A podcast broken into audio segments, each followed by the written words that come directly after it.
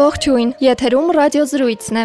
Կրթության ոլորտում գրեթե ամեն օր փոփոխություններ են կատարվում։ Ուսուցիչների կամավոր ատեստավորումն էլ այդ փոփոխությունների մի մասն է կազմում։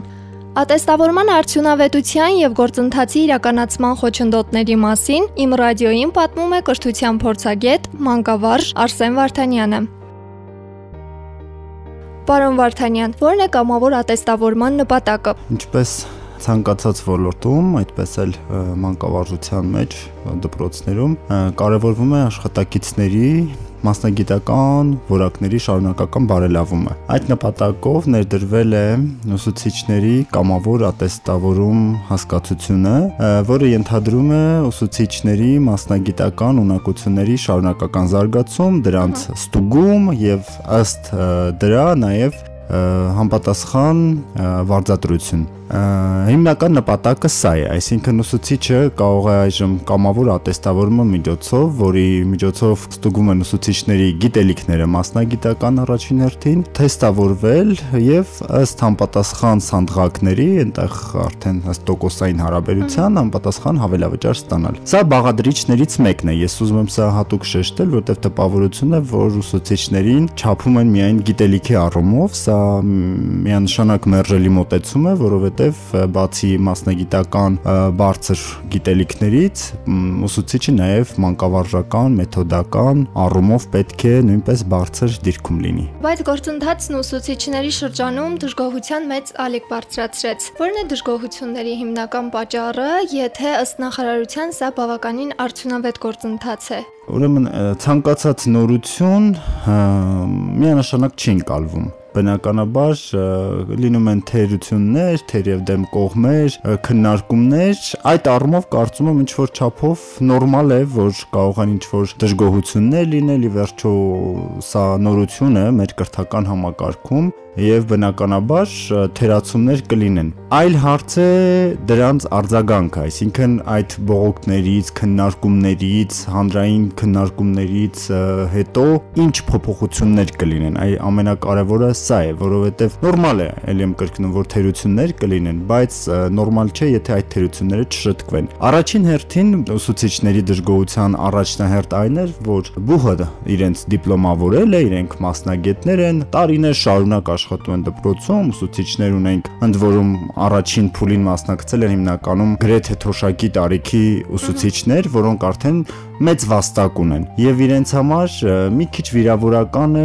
նորից ստուգել իրենց մասնագիտական գիտելիքները, այսինքն դիմորդի պես նստել, քննություն հանձնել, այդ ամբողջ ընթացակարգը շատ խիստ գրված է, չի կարելի շրջվել, չի կարելի խոսել, չի կարելիների մի շարք, որը բնականաբար ուսուցչին այդքան այսպես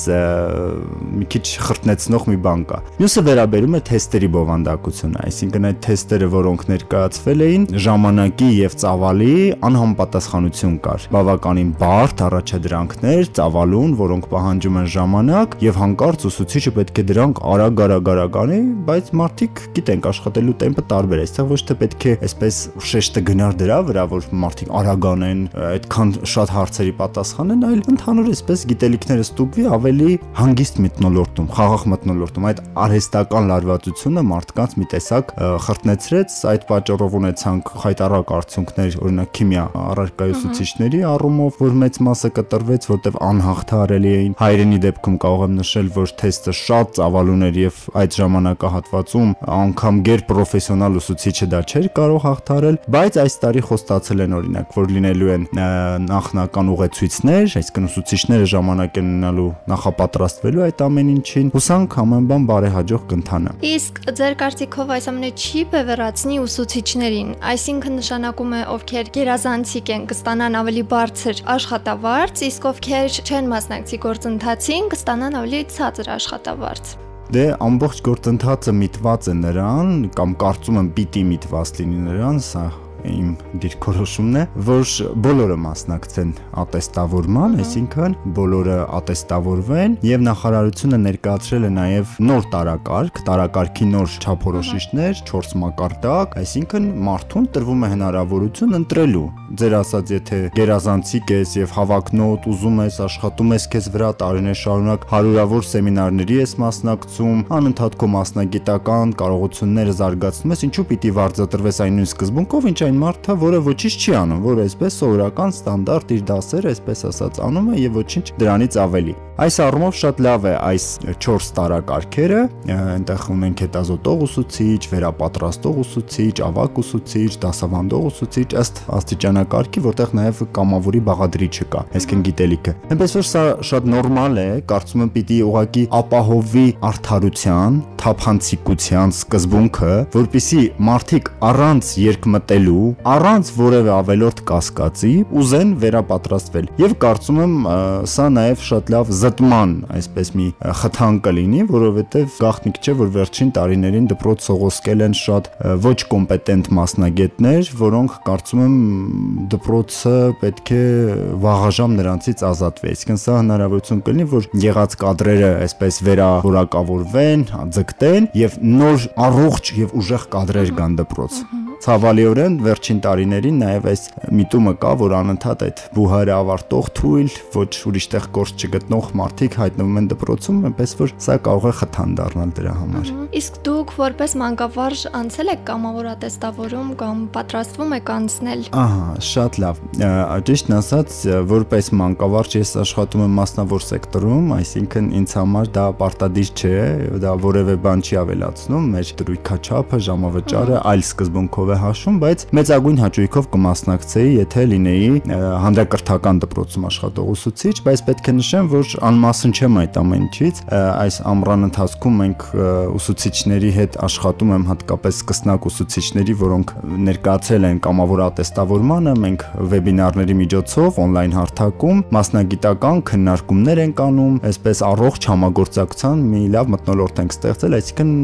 լիովին տիրապետում եմ այդ ամեն ինչին, ինչ որ այդ գործընթացներին, որոնք տեղի են ունենում։ Կա երաշխիք, որ կամավոր ատեստավորում անցած ուսուցիչը կարող է ապահովել դպրոցում ավելի լավ արդյունք, քան ատեստավորում չանցած ուսուցիչը։ Նման վիճակագրության մասին խոսելը դեռ վաղ է,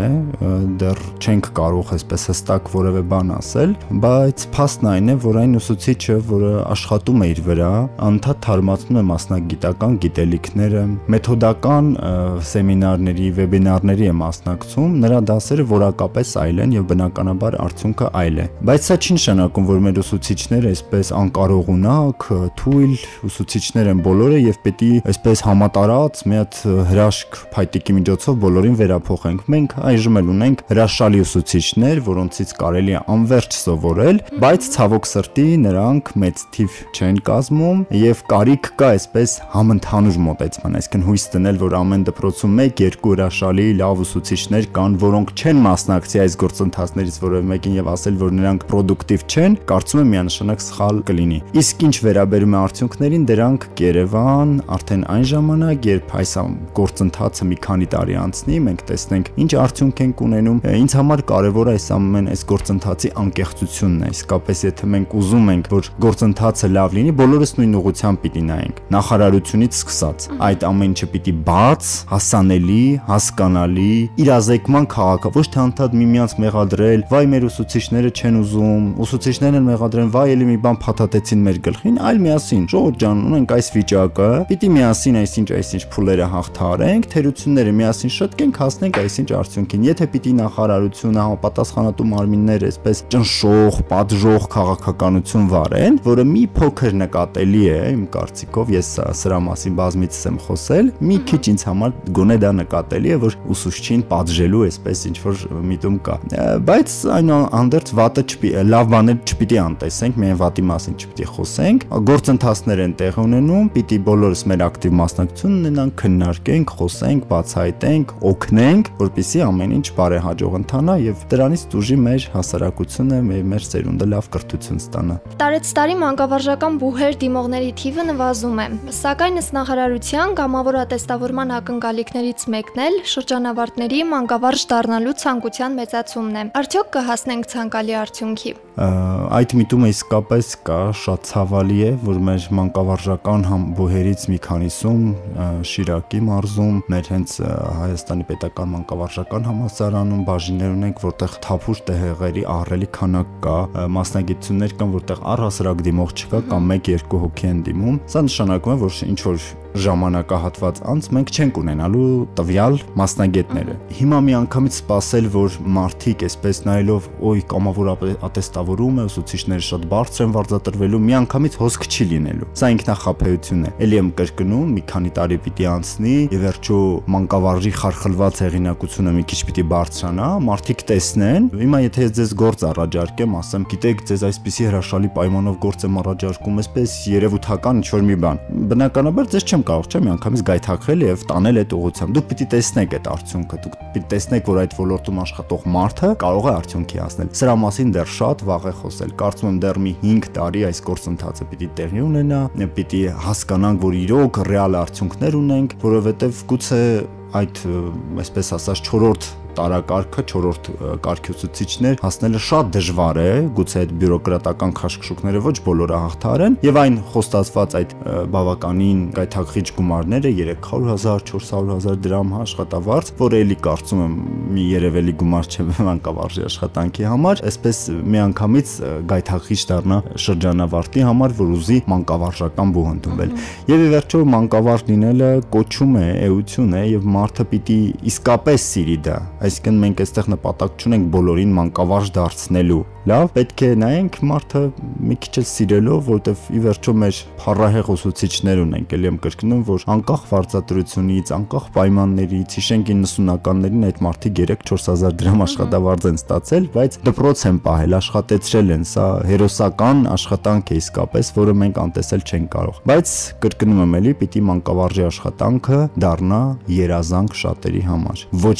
թե մենք ստիպենք, ոչ թե մենք գայթակղենք, ոչ թե մենք այսպես ինչ որ ցուցադրական բաներ անենք, այլ դա դառնա երազանք, որին հասնելը այդքան էլ հեշտ չի լինի։ Ոչ բոլորը կկարողանան մուտք գործել դպրոց, որտեվ այդ պատասխանատվությունը, այն պատասխանատվության իրական աստիճանը, որ կա սերնդի նկատմամբ, այդ մի քիչ շատ բարձր գաղափար է, որին կարծում դեռ կհասնենք մենք։